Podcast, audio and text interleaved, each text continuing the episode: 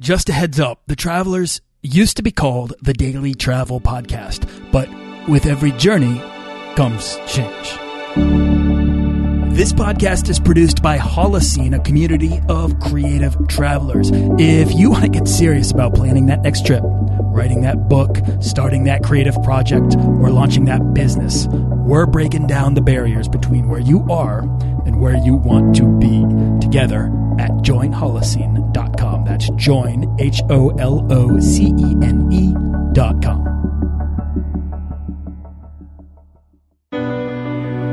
This is episode 43 with the Landloper, Matt Long. Do you want to travel further and more often to visit new places and meet new people and expand the role that travel plays in your life? I'm your guide, Nathaniel Boyle, an explorer that wants to help you get out, see the world, and find meaningful, life changing experiences. Everyone wants to be adventurous and have great stories. To do the stuff of legend, this is the Daily Travel Podcast. Okay, before we start, I want to share a couple iTunes reviews with you guys. They're short, and both of them came in from other travel podcasters who I admire and listen to. Uh, the Budget Minded Traveler says this podcast is a great listen for anyone curious about world travel and how it impacts and transforms so many lives. Quite an inspiration. Keep it up, Nathaniel. Jackie, you keep it up. Uh, I, I, love your show, and everyone should head on over and subscribe to her. Thank you for the support. Uh, I'm excited to be on this journey with you. Uh, Kevin Lay from the Travel Hacking Podcast says, The stuff of legend gets discussed here. Nathaniel has an amazing show. His interview style helps bring travel stories to life, and he lands incredible guests. So make sure you subscribe and be prepared to get slammed with loads of travel inspiration. Uh, Kevin, you are the man. If you like my show, subscribe to the Travel Hacking Podcast as well. Kevin features honest and personal destination advice, uh, plus travel hacks and uh, stories to get you on your way for less. Both of these podcasters will be on the Daily Travel Podcast soon, so stay tuned for that. And thanks a lot for listening. If you like the show and want to be featured on the Daily Travel Podcast, drop a review on iTunes. I would love to hear your questions, stories, favorite travel tips. I'll even find a way to get them on the show. Thanks. Matt Long worked as an executive in the nonprofit world until 2012 when he knew that his extreme desire to see the world would never go away. Uh, I think a lot of people know that, but most people don't embrace it in the way Matt does. He left his job and started landlopers.com where he, through his writing and personal exploration, has cultivated a community of thousands of readers. And unlike most of the guests on this show, Matt is not nomadic and has a fondness for luxury, particularly luxury adventure travel which for me conjures up images of David Livingstone exploring the jungles of Zambia with all his amazing suitcases. But for anyone who's interested in starting their own travel blog or podcast, Matt sets a great example for how this is possible and the happiness he's found from consciously making travel a bigger priority in his life. Uh, I look forward to getting into that. But first, let's get to know Matthew Long of uh, landlopers.com. Matt, what is up? Good morning. How are you? I'm doing well. Where are you hiding out right now? Uh, I'm in my kitchen at home in Washington D.C. It's That's one of the best exotic. places to be. Yeah, home is home is where the heart is. Matt, are you? Uh, how long are you home for? Uh, just a few more days. I head uh, back out on the road for South Africa in a couple of days. There you go. So you're kind of recharging your batteries.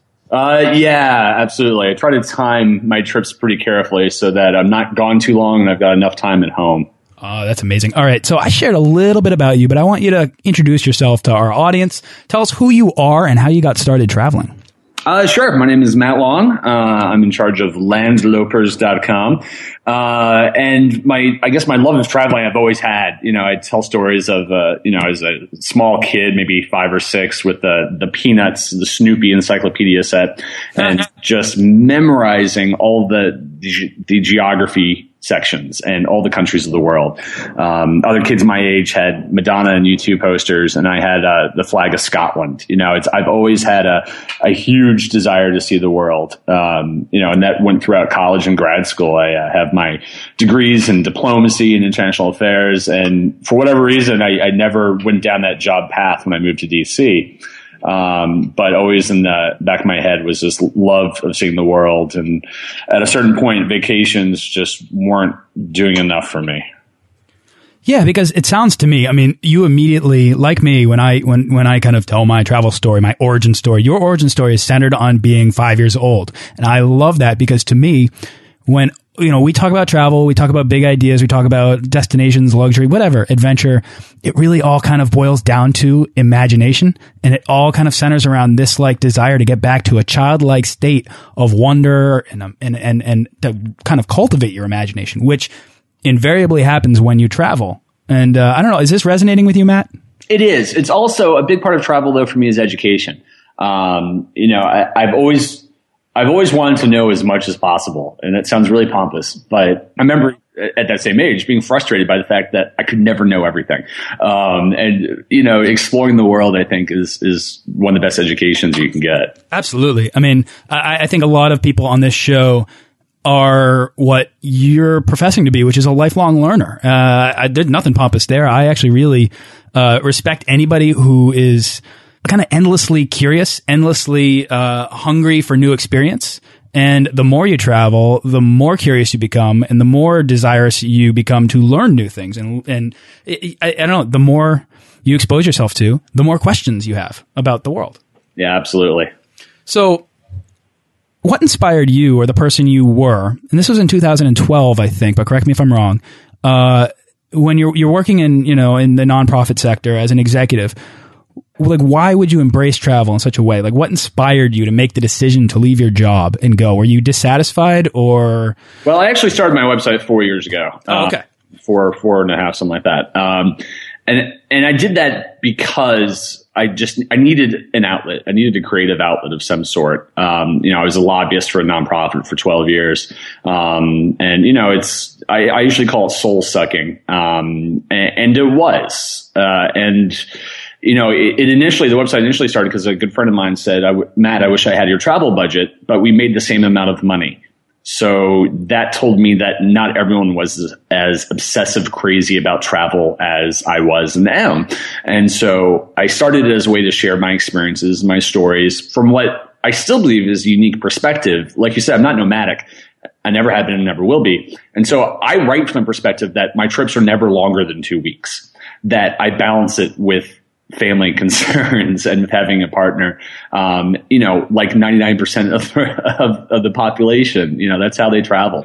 Most people can't just put on a backpack and, and leave the world for eight months. Um, and so my site has always appealed to that, that niche, I think. But then two years ago, you know, I usually say my job left me, you know, we just came to a crossroads. You know, the site was uh, getting more popular and it was consuming more of my time and my real job was getting very low with my attention. Uh, and so my employer and I just basically sat down and smiled and said, yep. Uh, and, and that was it. You know, we both knew that that path was no longer for me. Um, it was scary. And so overnight I became an entrepreneur, a small business owner, um, and had to figure out what that meant, um, and to, uh, figure out my own way because, you know, I, I can't go live in Cambodia for a year spending two dollars a day. You know, I I have a mortgage, I have a car, I have a partner, I have three dogs. So, you know, I was very mindful of the fact that I did have to start a business. You know what I keep what I keep hearing and what you're saying is it really kind of keeps coming around to time. Uh, your time with them was done. Uh, you, you you focus on trips that are no longer than never longer than two weeks. You know, you really focus on optimizing the time that you have to travel or even just to live. Um, and it sounds like you kind of reached a, a, a tipping point in which you really needed to start focusing on how you were spending your time on a day to day basis and travel kind of what solved. I mean, it seems to have solved that problem for you. Yeah, and it was also an issue with happiness. I just wasn't happy. I was miserable, and it's amazing in how many ways that um, that comes up in the rest of your life. Um, if you're unhappy in one part, the, every other aspect is going to suffer. And, and it's true. And it's amazing. I was at a wedding last weekend and the cousin came up to me and said, Matt, I just want to tell you how nice it is to see you happy. It's nice to see the mm-hmm. new old you back. Um, and, and it's great. You know, I hadn't even realized that, but people can kind of see this internal glow that I have about finding out what I want to do in life and then figuring out a way to make it happen. You know, that's, that's really great to hear. I mean, I like, I love to hear that. And I think one thing that keeps coming up on this show is this idea of travel as therapy. Even if you don't think you need it, you know, I don't think people think I need to take a trip so that I can become happy. I think happiness is a result of the effects of travel. And, uh, you know, it's, it's just, it's really nice to hear you say that by making this conscious decision to make exploration a, a bigger priority in your life, that you, one of the biggest results or the one that stands out to you is just your overall happiness. Uh, that that's got to be a really comforting feeling. And, and and you leave your job, you go out and you do probably one of the most uncertain things you've ever done. Uh, it, it probably feels like you've made the right decision. Yeah, absolutely, without a doubt. And and it's inspired my partner. My partner was like working for a, a high powered law firm, and you know, vacations were a myth, you know, and, and he was miserable and it was killing him at a fairly young age. And so, you know, he didn't uh, pursue a entirely new career, but he found a new job that gives him more of that free time. And it's about how we, especially as Americans, are able to balance work in life and, and we don't do it well. Um, but I think more and more people are realizing the importance of doing that. I think, I think because people uh, in your position are setting a good example for why it matters and why travel matters, not just uh, as a way to recharge your batteries, but to really kind of reinvigorate uh, your soul or cultivate your imagination or uh, become happier. That's right. And it doesn't have to be far. You don't have to go to Antarctica. Um, you know, you don't have to go on an epic quest. You know, it can be three towns over. You will always dis- discover something new. And just the, the, the simple act of leaving your house for a couple of nights is therapeutic. People get people in life get stuck, uh, and I think oftentimes it can be an illusion. Although a lot of the time it can be uh, a necessity. And kind of travel is such a great way. I think this is why you see people take career breaks or um, or doing what you do, which is basically making it a profession. But travel is such a wonderful way to get unstuck and to. And I think when people are kind of feel like they, they can't travel as much as they need to. They have that wanderlust. They have that voice in the back of their head that's telling them that they need to get out there and experience the world because this is their only shot. It's still, it can be really depressing to not be able to answer that call to adventure. And, uh, Matt, you've done it. And I love to hear that you're happy about it. Was there a moment in your travels in which you knew that you'd never kind of stop traveling or was it the goal from the outset to make a life of perpetual travel. Well, it, and it's important to know it's not perpetual. Right. Um, Sorry. You know, no, no, no, it's all right. Um, and a lot of people don't really get that. Um, you know, like I said, I do have, you know, significant other. And so I am mindful about how often I'm on the road. Um, and I do try to space trips out. I'd say I'm traveling right now about 30% of the time. Um, uh, maybe a little more, maybe a little less. Um, but, you know, I, I, as far as knowing that travel would always be with me, you know, I, my first international trip when I was 17 to, to France um, was important for me uh, growing up. But so was um, the impetus for the website. In addition to my friend, it was also the result of a trip that we took to the Galapagos um, in a week, sailing around uh, that amazing archipelago. Um, it was that fodder that was my initial content in the website. So um, I'd say that's a life changing experience still to this day. So, you know, you, have mentioned a couple times your significant other, but how supportive are they of your uh, desire to travel regularly? And do you take a lot of um, solo trips? Um, very supportive. I wouldn't have been able to do it. yeah, yeah. Without him, um, because it's a big leap of faith. You know, yeah. I'm going to leave my job. I'm going to leave salary and benefits and and do this blogging thing. You know, most rational people would not accept that. Um, so no, it's been a, a huge amount of support. Um, and it's not easy to be the one at home, I can imagine. Um, and it has, we've both had to suss our way through that. Um, a lot of my trips are projects that I do solo, but then we do, I mean, we both love to travel. So we do several trips together throughout the year. Um, in January, we were in Australia. Uh, later this month, we're going to London. Um, and in December, we're doing a Christmas market river cruise with Viking River Cruises, which oh, I'm fun. very excited about. Yeah. You know, you're right. You're right, Matt. It's it's always easier to leave than it is to be left behind.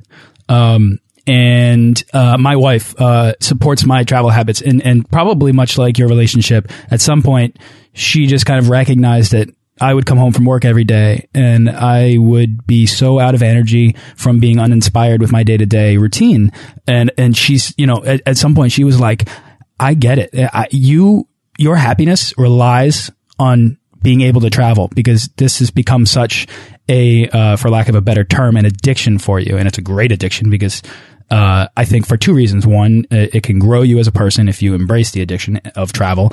And two, um, the distance that we put between us can really kind of um, make the time, which is the majority of time, but the time that we spend together even better. Uh, because I don't know. I mean, I think she recognizes that uh, I come home with a gift, and then you know we're we're uh, we're closer when we're together, and then when it's time to go, it's sad and it's hard to leave, and it does kind of. I have to weigh my guilt. Like I don't want to leave for like a long, huge trip without her, and yet, uh, I, I I don't take for granted that emotion that I feel when I'm about to leave. Does that make Yeah. sense? Yeah, no, I get really excited too. Um, I, I try to tone it down a little bit. It, it it's a uh, it's a sensitivity issue. yeah, no, it Definitely. is.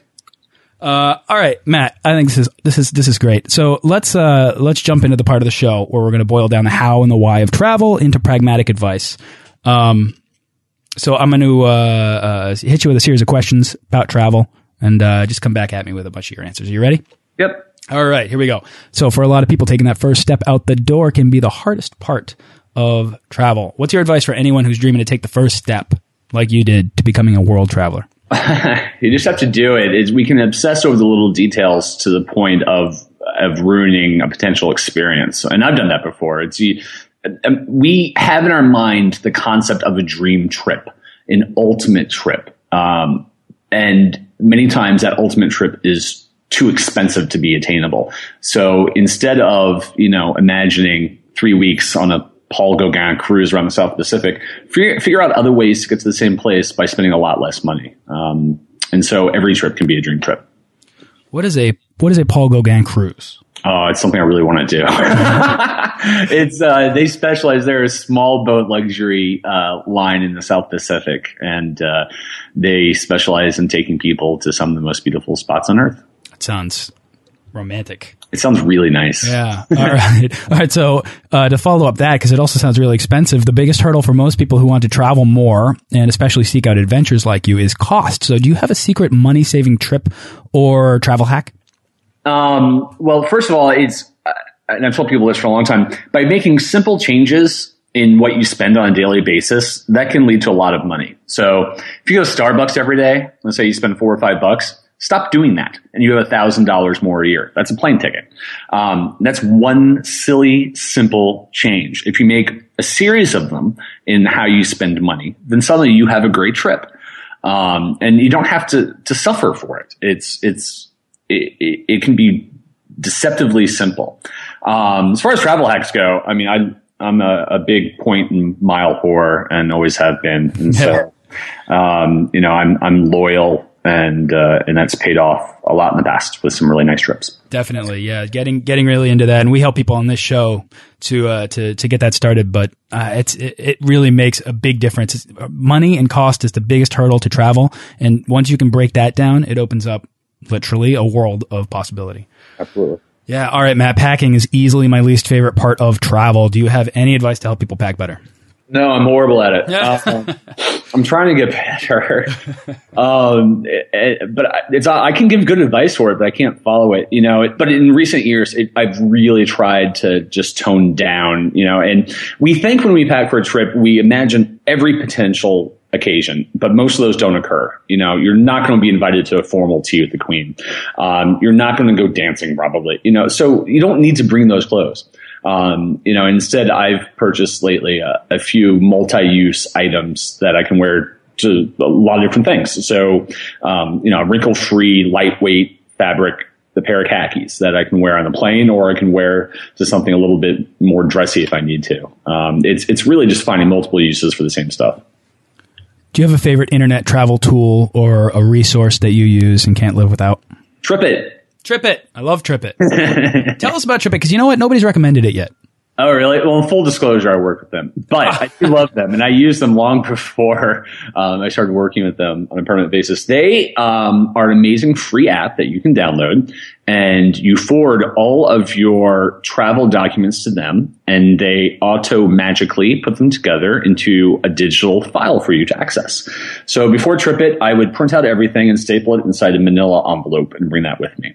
Um, but now I have everything on this app uh, for my trip that I need, um, from dinner reservations to flight confirmations. Um, and then they have a pro service that if you subscribe to, um, they'll help you with uh, alternate flights in case yours are canceled and, and things like that. Many times I'll get alerts on gate changes from TripIt before I get them from the airline. You know what I love about TripIt is it's so automated. It's almost scary automated. I book a flight and then I get an email from TripIt and TripIt's like, here's your flight itinerary. And I'm like, how'd you know that, TripIt? Yeah, I, I, don't understand how they work. Uh, it, it is magic, um, but I'm fine with that because it. I mean, the the number of trees that this has saved in my own personal life is considerable. Yeah. Oh, absolutely. Uh, and and and uh, it's one less thing to pack. I just love consolidating everything on my phone, every opportunity I get. Uh, Matt, do you have a favorite travel book or a book that has inspired your travels? Yes. Um, well, Yes. Um, sorry. Um, it's called Blue Latitudes by Tony Horwitz. Um, not everyone likes the book.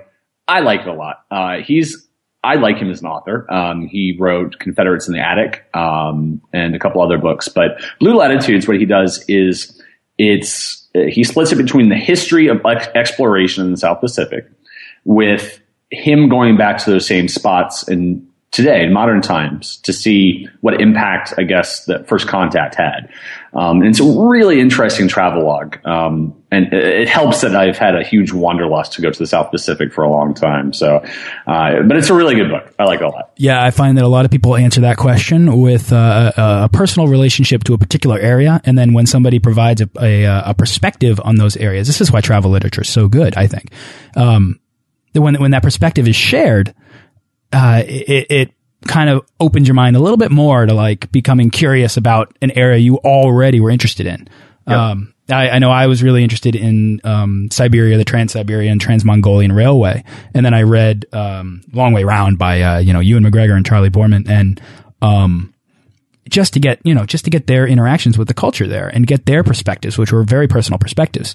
Uh, and th this is kind of you know this bu the book wasn't amazing, but the perspectives, hearing them, pushed my curiosity well beyond the bounds of I couldn't contain them anymore, and that was really what pushed me to take a round the world trip and uh, turn travel into much more of a core component of my lifestyle. So that's great. Yeah, it, I think travel books can can do that. And if you haven't already, you can get this book or any book mentioned on this show for free from audible.com by going over to freetravelbook.com. So check that out.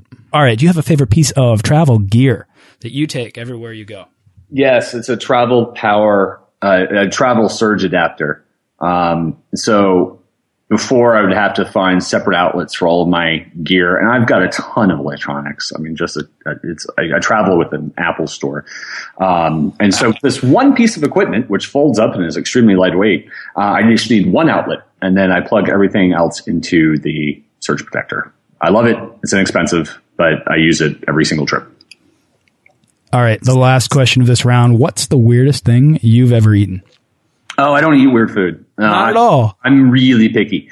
Um, no. Has, has, travel expanded your palate? No. Not at all. Uh, no. I, I, don't really want it to. Uh, no, I'm pretty picky. I mean, yeah, I'll eat stuff in foreign countries, but I mean, my list of things I don't eat has stayed the same.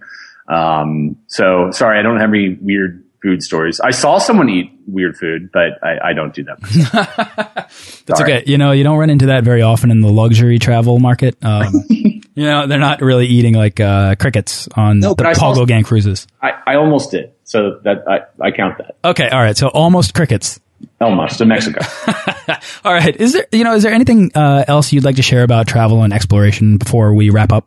Uh, other than that, so many people approach it from a place of fear and caution, apparent, uh, especially from the American um, perspective, that the world is the other. Um, and I get jealous of people who live in Europe and, you know, you know, businessmen there who go to Paris for the day and then come back home to Stockholm. You know, it, it, the ease of travel is so much easier for them.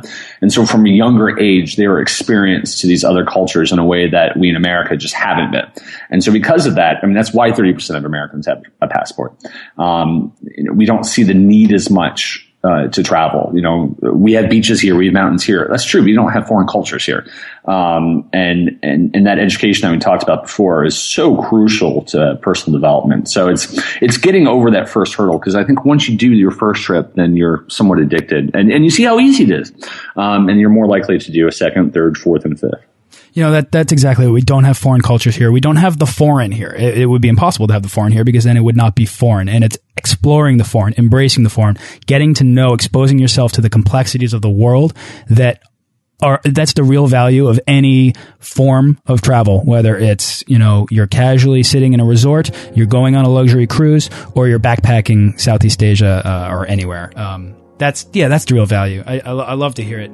Um, what's next for you, Matt? What's your next trip, and uh, or what's uh, your next project? Next project is a campaign with Stellenbosch Wine Routes in South Africa. Um, I leave this week for oh. called the hashtag Stellenblog. I'm so jealous. Um, and that's to kind of discover the width and breadth of that region, not only from a wine perspective, but the alternate activities. Um, then I'm heading to London in May. In June, I'm going to Hong Kong and Cambodia with Cathay Pacific on another campaign, and then Croatia at the end of June. Excellent. All right. So, Matt, I need to take a step back real quick. What do you do with these companies? And uh, is this part of Landlopers or is this a separate service that you do? Um, I am part of a consortium of travel bloggers called iAmbassador. Um, we formed, pardon me, about three years ago um, uh, as a way to help destinations and companies put together integrated marketing campaigns. So I'm the director for North America, and with that, uh, I do just that. I put together the social media uh, marketing campaigns for companies and destinations. So um, Stellenbosch, Croatia, and Cathay Pacific are all iAmbassador projects. Um, and we have within our ranks a selected number of bloggers from around the world uh, in a variety of niches um, that we recruit into the team uh, to provide great influencers for companies to work with. Well, that sounds amazing. If you guys are ever looking for a podcaster, look me up. Matt, thanks so much for coming on the show. This has been a lot of fun. Yep, absolutely. My pleasure. Thank you. All right. Take care. You too.